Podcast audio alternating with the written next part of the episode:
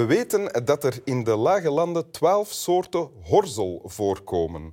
Maar wat doen horzels? Steken ze of bijten ze? Geen van beide.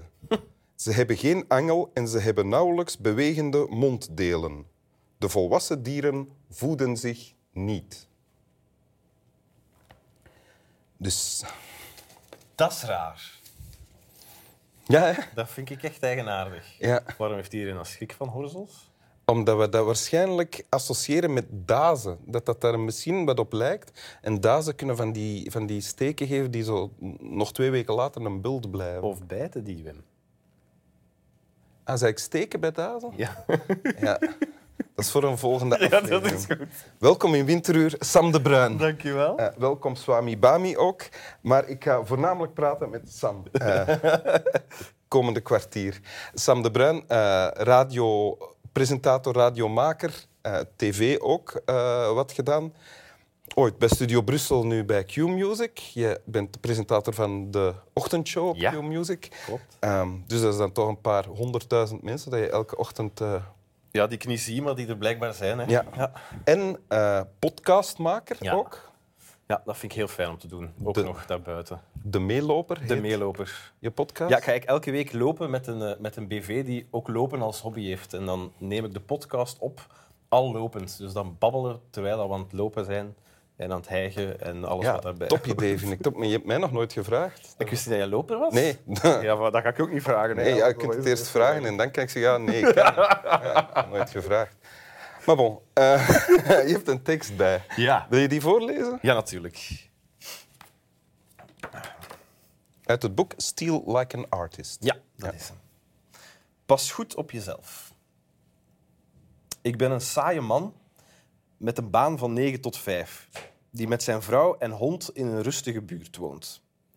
Dat hele romantische idee van het creatieve genie dat aan de drugs is, van hot naar her rent en met iedereen naar bed gaat, is achterhaald. Dat is voor supermensen en voor mensen die jong willen sterven. Creativiteit kost namelijk een hoop energie. Die energie heb je niet als je die verspilt aan andere zaken. Oké. En dit komt dus uit Steal Like an Artist van Austin Kleon. Ja, dat is eigenlijk een, een, een boekje over creativiteit. Zo, dat, dat, dat hoort bij de categorie zelfhulpboeken, Ja? waar ik ongelooflijk fan van ben. Ja? Zelfhulpboeken. Oké. Ja, ik heb daar twee soorten schrijvers in. Je hebt de schrijvers die zich mega serieus nemen in het zelfhulpgenre.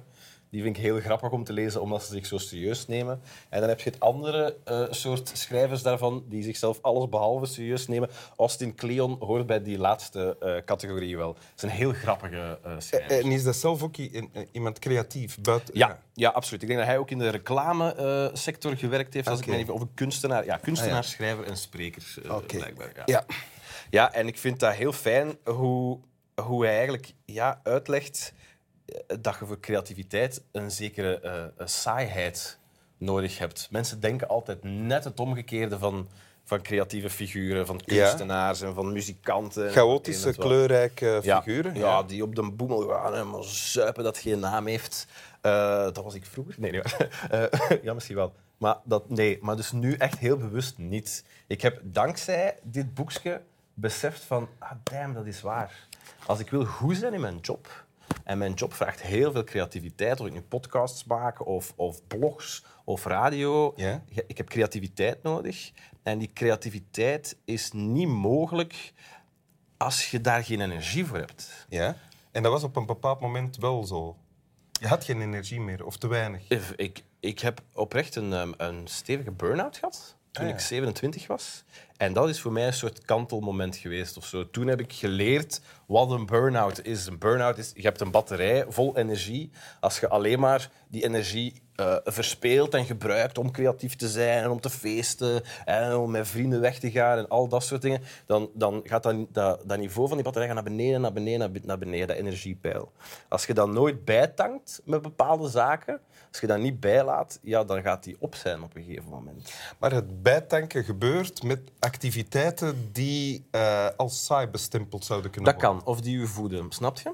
Dus met, met saaiheid eh, zorg je dat, het, dat, het, dat een energielevel niet te veel daalt. En je doet het energielevel stijgen met dingen, met input, met, met toffe dingen. Als ik, bij mij is dat, maar als voor iedereen anders, als ik, als ik naar een, een, een inspirerende theatervoorstelling ga, of iets waar ik heel erg mee moet lachen, of... Ja, Dat is bijtank. dat is bijtanken Ja. voor mij.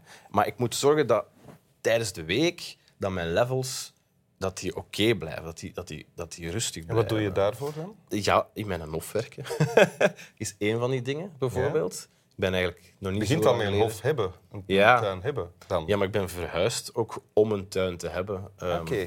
Dit jaar ben ik, eh, vorig jaar ben ik Naar? verhuisd. Berlaren, Ah.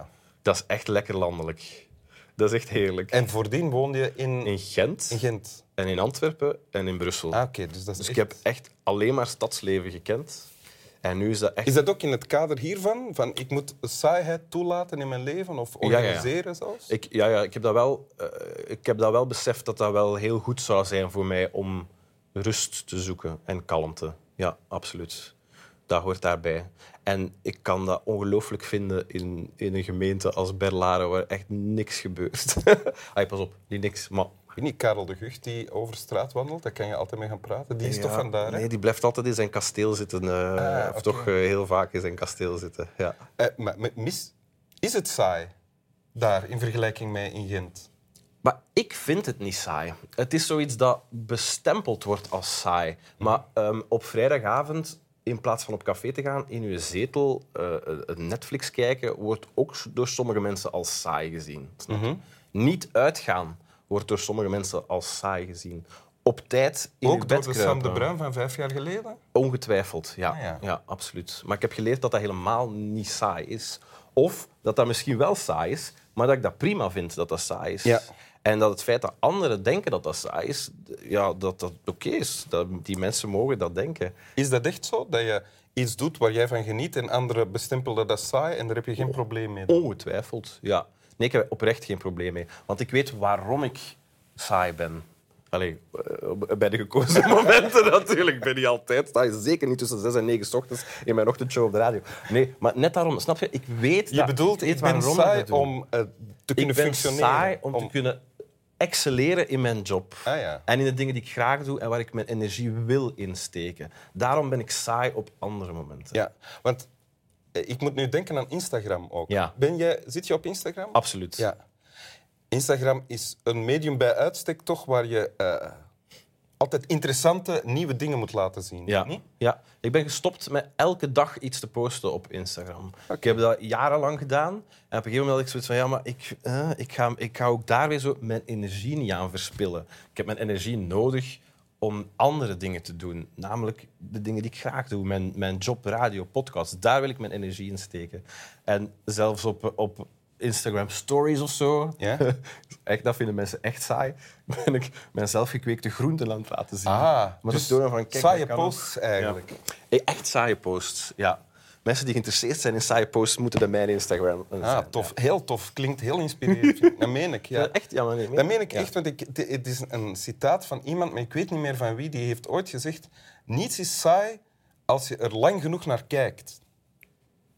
Waarmee die bedoelde, denk ik, dat als je aandacht op iets richt, bijvoorbeeld op je groenten in je, Ja, ja. in je hoofd, dat dat niet saai is. Maar je moet wel je aandacht erop gericht houden. Ja, maar ik denk dat, dat heel veel jonge mensen vooral eh, niet goed mee weten hoe ze dat moeten doen of zo. Of het geduld niet hebben om, om die saaiheid te aanschouwen. En dan zijn wij er om dat aan die jonge mensen te vertellen. Wij oude mensen, wilt je zeggen. Ja. Wil je nog eens voorlezen? Ja, ik wil dat zeker doen. En heb ik je nog snel beledigd. Als ik de pagina hier nog vind. Ehm weet jij nog waar het was? We nemen de tijd. Ja? Ja. Mm. Mensen zouden... Ja. Oké. Pas goed op jezelf. Ik ben een saaie man. Met een baan van 9 tot 5. Die met zijn vrouw en hond in een rustige buurt woont. Dat hele romantische idee van het creatieve genie dat aan de drugs is, van hot naar her rent en met iedereen naar bed gaat, is achterhaald. Dat is voor supermensen en voor mensen die jong willen sterven. Creativiteit kost namelijk een hoop energie. Die energie heb je niet als je die verspilt aan andere zaken. Dank u. Alsjeblieft. Slaap wel.